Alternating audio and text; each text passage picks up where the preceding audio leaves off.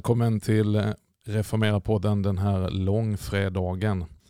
Vi eh, befinner oss i slutet av den stilla veckan, den heliga veckan och eh, kretsar kring det som är kristendomens absoluta centrum och kärna.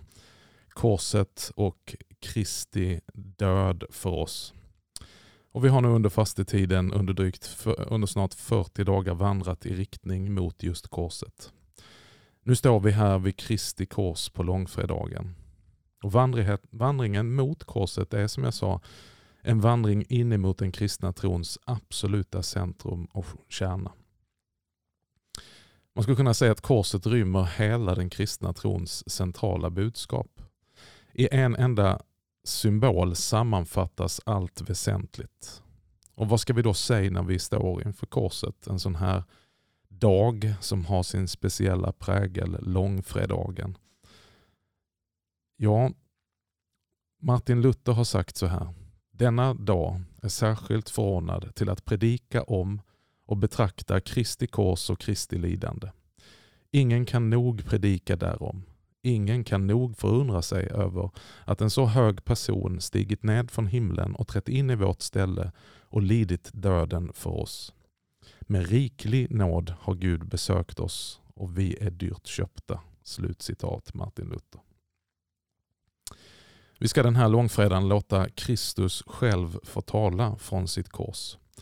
Vi ska följa Jesus sista timme på korset och lyssna till vad man brukar kalla för hans sju sista ord och med hjälp av dem tränga in i korsets mysterium. Och kanske dessa Jesu sju ord har en alldeles speciell hälsning till oss denna långfredag 2022. Vi läser första läsningen från Lukas 23 kapitel. Två andra brottslingar fördes också ut för att avrättas tillsammans med honom. Och när de kom till den plats som kallas för huvudskallen korsfäste de honom och brottslingarna där, den ene på hans högra sida och den andra på hans vänstra. Men Jesus sa, Fader förlåt dem, ty de vet inte vad de gör. Det finns naturligtvis mycket man skulle kunna säga och vilja säga eller be till Gud om när man blivit orättvist behandlad och fått lida orättfärdigt och straffad för någonting som man inte förtjänar. Man skulle kunna utropa Herre straffa dem. Herre låt dem få betala ett högt pris för detta. Herre gå till rätta med dem och låt dem bittert få ångra detta.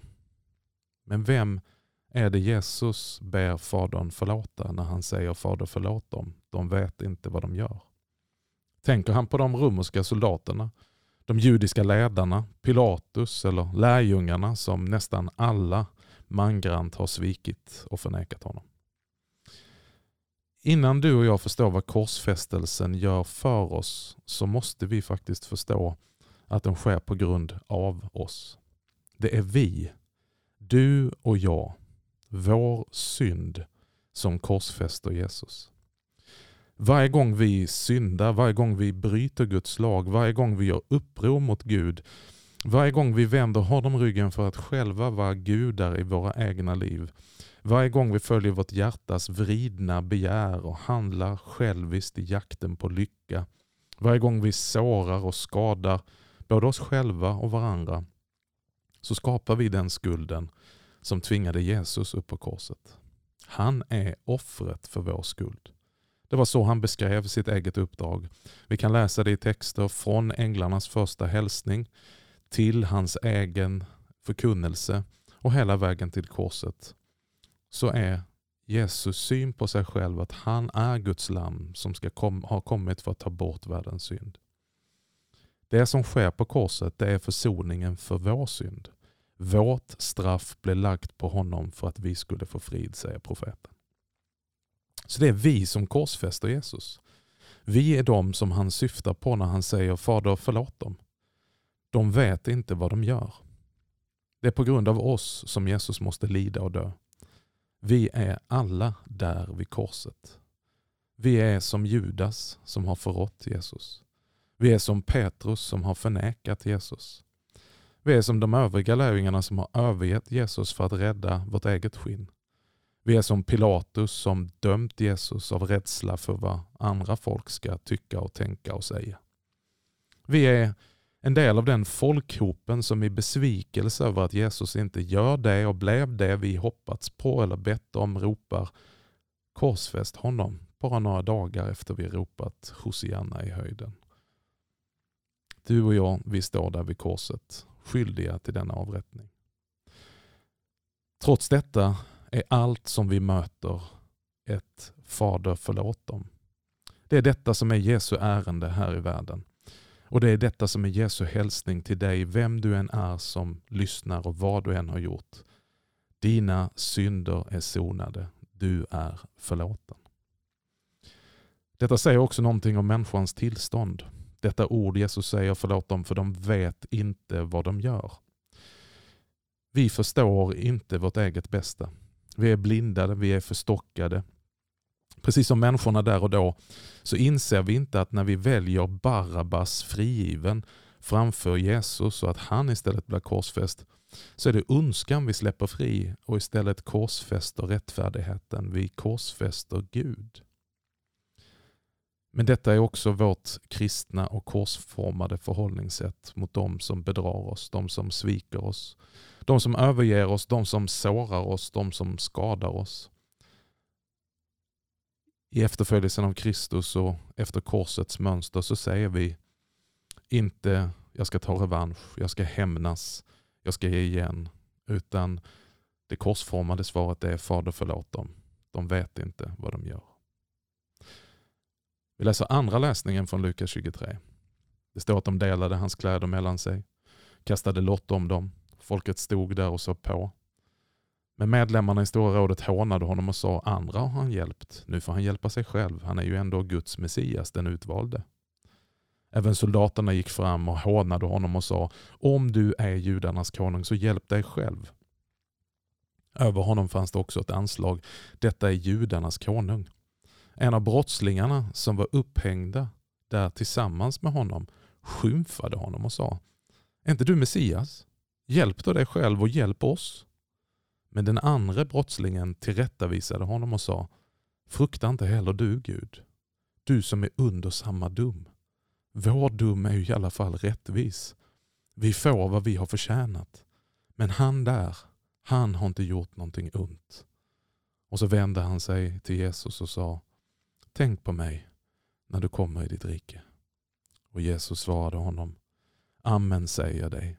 Idag ska du vara med mig i paradiset. Det finns ingen tydligare bild av den dubbla utgången ur livet som kristen tro bekänner och predikar om. Det finns ingen tydligare bild än de här två rövarna som är korsfästa på varsin sida om Jesus. För den som högmodigt står honom emot och inte inser och erkänner sin egen synd så blir döden porten till evig död. Men för den andra som ödmjukar sig, inser sin synd och sätter hela sin förtröstan och sitt hopp till Jesus, då blir döden ingången till evigt liv. Tre personer dör på Golgata den här dagen. En dör i sin synd, en dör fri från sin synd och en dör för deras synd. Även du och jag kommer att dö. Snart eller senare. Plötsligt eller långdraget. Frågan är inte om vi kommer att dö, utan snarare om hur vi kommer till att dö. Kommer vi att dö i vår synd eller fria från vår synd?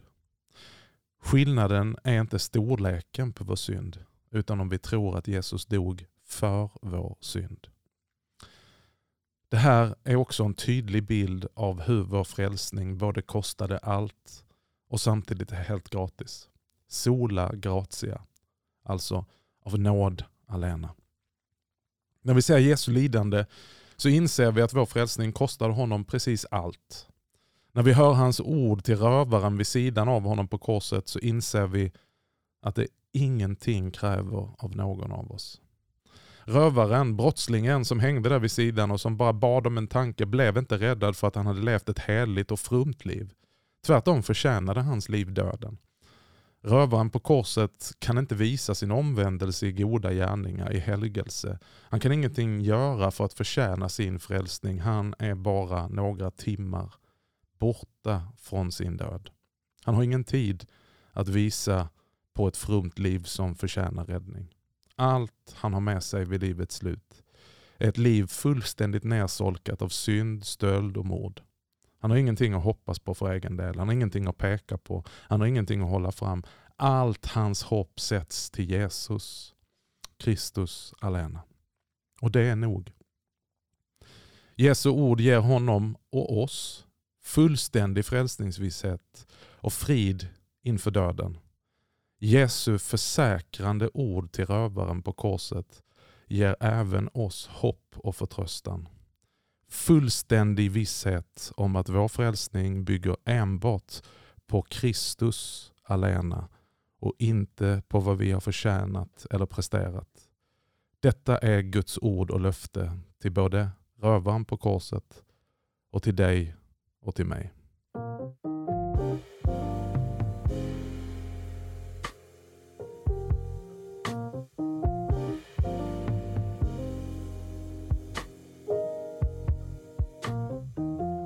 Tredje läsningen från Johannes evangelium kapitel 19. Vid Jesu kors stod hans mor, hennes syster Maria, som var Klopas hustru och Maria från Magdala. När Jesus såg sin mor och bredvid henne den lärjunge som han älskade sa han till sin mor, kvinna se din son. Och sedan sa han till lärjungen som var Johannes, se din mor. Det är en brokig skara som står vid Jesu kors. Vid korset så finns det inget vi och dem. Där finns bara ett vi och han. Vi sitter som sagt alla i samma båt. Vid korset är det jämn mark. Där finns inte hög eller låg, bra eller dålig. Där är vi alla syndare på väg mot vår säkra dum och död. Men genom korset skapas försoning mellan Gud och människa. Men också mellan människa och människa. Med korset i centrum skapas en helt ny och vad ska vi kalla det för, en annorlunda brokig gemenskap av mångfald. En korsformad gemenskap som kanske inte specifikt har någonting gemensamt människa till människa, men som har Kristus i centrum. Där uppstår det en enhet och en gemenskap som ingen annan människa, grupp eller ideologi kan skapa. Korsets bjälkar sträcker ut sina öppna armar åt alla väderstreck och omfamnar hela världen. Den överbrygger klyftor och förenar himmel och jord, öst och väst, nord och syd. Här blev vi alla till ett folk, en familj, bröder och systrar, fäder och mödrar. En förening över alla gränser. Här är inte längre ras, språk, nationalitet, samhällsklass, ålder, kön, status, mörka förflutna eller ljusa framtidsutsikter. Det finns ingenting av detta som kan splittra eller förena. Här blir vi alla ett i Kristus Jesus. Det är det som kallas för kyrka. De församlade och de förenade i Kristus. Vi läser fjärde läsningen ifrån Markus evangeliets femtonde kapitel. Vid nionde timmen ropade Jesus med hög röst Eloi, Eloi, lema sabachthani. Det betyder min Gud, min Gud, varför har du övergivit mig? Kanske aldrig har någon varit eller kommer att vara så övergiven som Kristus är på korset. När du är hopplös och hjälplös, ensam och övergiven, baktalad, förtalad, utfryst, förkastad, avskydd. Ja, då kan Jesus Kristus känna med dig. Han kan trösta dig och han kan försäkra dig att han har också varit där, men han har övervunnit det. Jesus vet vad verklig ångest är. Jesus vet vad fullständig hjälplöshet är. Att vara utlämnad, vad det innebär att vara helt övergiven, föraktad och förkastad av alla. Han är väl förtrogen med plåga och smärta. Han vet allt om det. Och när du och jag är övergivna och utsatta, förrådda och förkastade av alla och kanske till och med de som vi trodde älskade oss och som vi älskar. När vi har förlorat allt och nästan förlorat oss själva så är det som att Jesus är alldeles extra nära oss just då. Jesus blev som människa skild från Gud för att du och jag aldrig skulle behöva skiljas från Gud. Vad kan skilja oss från Kristi kärlek? frågar Paulus i Romarbrevets åttonde kapitel. Nöd eller ångest, förföljelse eller hunger, nakenhet, fara eller svärd. Nej, över allt detta vinner vi en överväldigande seger genom honom som har älskat oss. Varken död eller liv, något som nu är eller ska komma, varken makter i höjden eller djupet eller något annat skapat kan skilja oss från Guds kärlek i Kristus Jesus, vår Herre.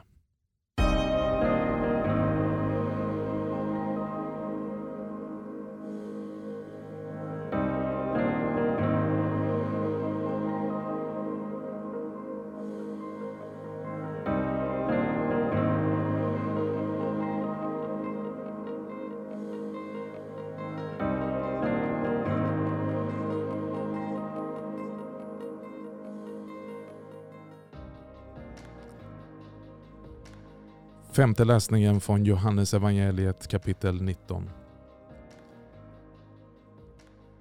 Jesus visste att allt redan var fullbordat och han sa därför, för att skriften skulle uppfyllas, jag törstar. Han som själv hade sagt att den som kommer till mig ska aldrig någonsin hungra och den som tror på mig ska aldrig mer törsta. Han får nu själv gå igenom olidlig törst för att kunna ge oss levande vatten att dricka. Det är inte svårt att förstå att den törst som Jesus upplevde var högst verklig. Han har nu släpat sitt kors genom Jerusalems dammiga gator, i gruset upp till Golgata kulle. Hans öppna sår de är saltade av hans eget svett och steks i den heta eftermiddagssolen i Mellanöstern. Hans mun den är torr av damm och grus. Varje människa har en outsläcklig törst och en hunger som ingen dryck eller mat rår på. Vi är skapade till gemenskap med Gud och har en törst efter honom. Därför är vi rastlösa. Vår själ är orolig och Everybody got a hungry heart. Aldrig är vi riktigt nöjda eller tillfreds. De flesta av oss klurar på vad det är som fattas oss. Vad är det som vi mer behöver köpa, fixa, åstadkomma, renovera, uppnå, utföra för att livet inte ska kännas förgäves utan meningsfullt, lyckligt och värdefullt. Att vi ska bli tillfreds. De flesta av oss kommer ju att dö med någon sak kvar att uppleva på vår så kallade bucket list.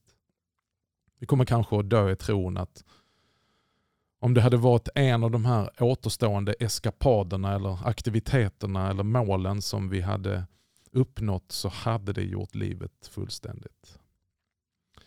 Men låt oss då lära av dem som tycks ha gjort allt, vunnit allt, köpt allt, lyckats med allt och sett allt. När de väl har nått sina erövringar och står på toppen så säger de flesta chockat, var detta allt? Törsten och hungern är kvar. Men Jesus lovar att den som kommer till honom ska aldrig mer hungra. Och den som tror på honom ska aldrig mer bli törstig. Herren är min herde, mig skall inget fattas. Han för mig till vatten där jag finner ro. Han dukar för mig ett bord. Han smörjer mitt huvud med olja. Ursäkta mig. Och låter min bägare flöda över. Bara hos Jesus tar det eviga jagandet slut. Bara hos honom får vår rastlösa själ sin ro. Jag är törstig, ropar Jesus. Det är också ett uttryck för hur Jesus längtar efter att se resultatet av hans lidande och död. Alltså det som korsgärningen ska leda till en frälst människoskara av alla folks länder, språk och tungomål. Han törstar efter att se dig och mig ta emot hans gåva som han nu har offrat för att ge. Hans gåva på korset släcker all din törst. Men bara ditt mottagande av hans kärleksgåva kan släcka den törsten han känner. Sjätte läsningen från Johannes 19. Där stod nu ett kärl fullt av ättikvin och de fäste en svamp fylld med ättikvin runt den i såpskälk och förde den till hans mun. När Jesus hade fått det sura vinet sa han, det är fullbordat. På korset utropar inte Jesus, det är slut, det är kört eller nu är det över. Utan det är färdigt. Allt är nu gjort. Ingenting återstår för att utföra för att din frälsning och förlåtelse ska bli fullständig och komplett. Han, Jesus, har gjort allt. Det finns ingenting kvar att göra för varken dig eller mig. Det finns ingenting som fattas. Ingenting vi behöver lägga till eller fixa. Allt vi behöver göra det är att tro detta och ta emot detta. Det är fullbordat. Det är ett enda ord på grekiska. Tetelestai. Ett uttryck som de flesta kände till i antikens samhälle. Det kunde prästen säga i templet när offret var godkänt och synden var sonad. Tetelestai. Det utbrister konstnären när hans verk stod helt färdigt och det finns ingenting mer att tillägga. Tetelestai. Det skrev man på kvitton när skulden var fullt återbetald. Tetelestai. När Jesus utropar det fullbordat så betyder det främst två saker. För det första, lagen, Guds heliga lag som vi har brutit och inte fullgjort, den är nu av Jesus fullständigt uppfylld i minsta lilla punkt och prick för vår skull och i vårt ställe. Han har som den första och sista människan befunnits helt rättfärdig och fullkomlig inför Guds lag. Det finns inget att anföra mot honom och han har uppfyllt allt detta för vår skull, i vårt ställe. Där varje annan människa sedan Adam har fallit, där bestod Kristus provet. Och evangeliets goda nyheter är att den gåvan av fullständig rättfärdighet nu räcks oss. Sådan han är inför Fadern, sådana är vi nu inför Fadern om vi är i Kristus Jesus. Vi är syndare och kommer förbli syndare, men genom dopet så är vi klädda och övertäckta med Jesu Kristi rättfärdighet, hans fullkomliga lydnad och hans renhet. Och på grund av honom så står vi som felfria och fläckfria inför Gud. Inte i oss själva, men i Kristus Jesus. Det är fullbordat för dig. Tro och ta emot hans gåva. För det andra så betyder det fullbordat det att straffet för vår synd, straffet för vår skuld, det är nu betalt. Det är fullbordat. In toto. Guds vrede är utgjuten en gång för alla. Syndens slutlön, döden, den är nu utdelad. Domen har fallit och verkställts. Fallet är avslutat. The case is closed. Det kan aldrig mer öppnas eller ändras. Kristus har nu fullbordat sitt uppdrag som Guds offerlamm som borttar världens synd. Och Den som är Kristus Jesus behöver därför aldrig mer frukta Guds vrede. Behöver aldrig se Gud som en sträng dummare utan kan nu se Gud som en kärleksfull far som har offrat det dyrbaraste han hade för vår skull för att visa sin kärlek. Men om du och jag står emot Kristus och hans gåva, då har vi all anledning till ångest och panik.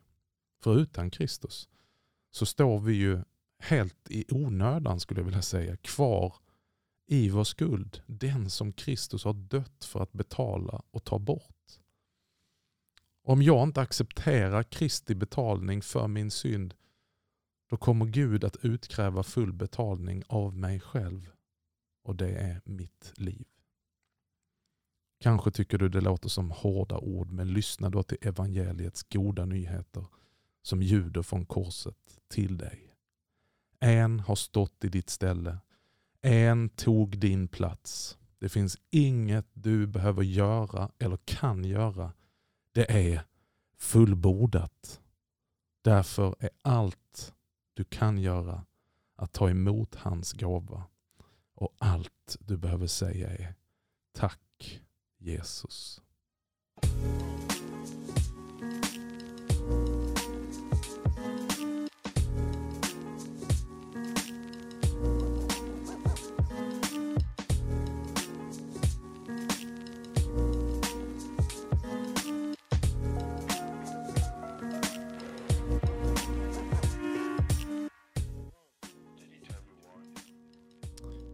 Sista läsningen från Lukas 23.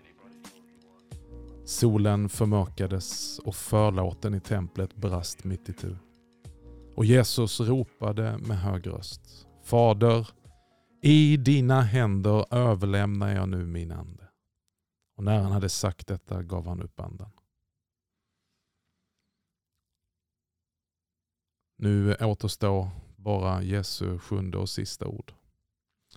Detta är evangelium. Dessa ord kan också få bli våra. När vi lägger oss ner för att sova på kvällen eller när vi vaknar till en ny dag. När vi grips av ångest eller blir förlamade av rädsla. När vi bekymrar oss och som barn kanske oroar oss för våra föräldrar eller som föräldrar oroar oss för våra barn. När vi har tappat kontrollen när vi inte kan förutse konsekvenserna av vårt eget handlande. När det bara är mörker runt omkring oss, när faran hotar, när kriget är på väg. När vi själva inte orkar mer.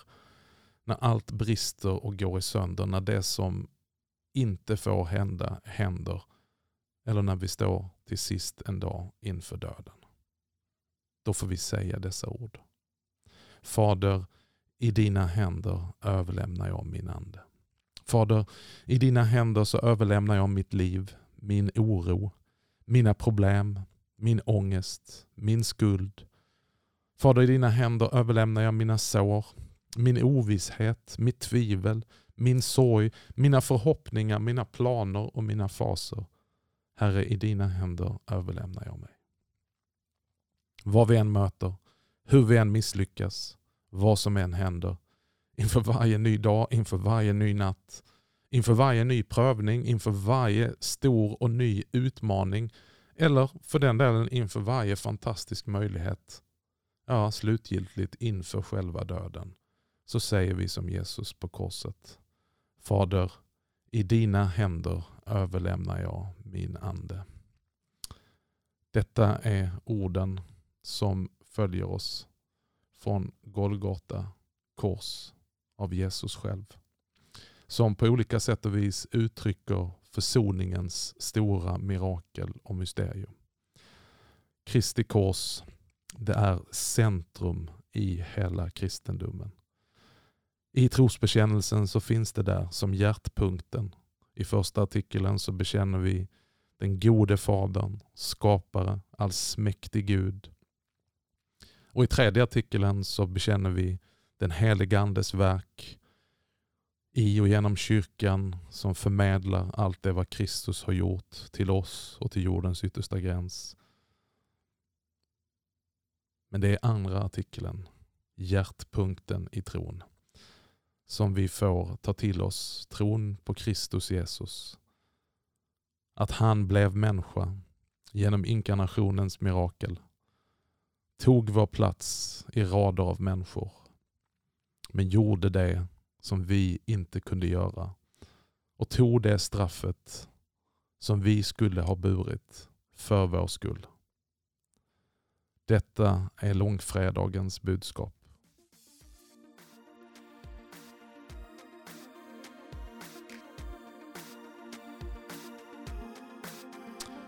Tack för att du har varit med oss den här långfredagen i en liten meditation eller reflektion över Jesu sju sista ord på korset.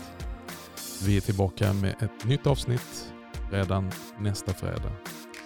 Till dess så önskar jag att du ska få vila i den tystnaden som kommer när Jesus läggs i graven. Men en tystnad som inte förblir utan att också du ska få vara med om påsknattens och påskmorgonens grynings uppståndelsefest. Att du får vara med och fira en gudstjänst eller mässa där du får höra orden Kristus är uppstånden. Ja, han är sannerligen uppstånden. Och så möts vi i uppståndens glädje nästa fredag.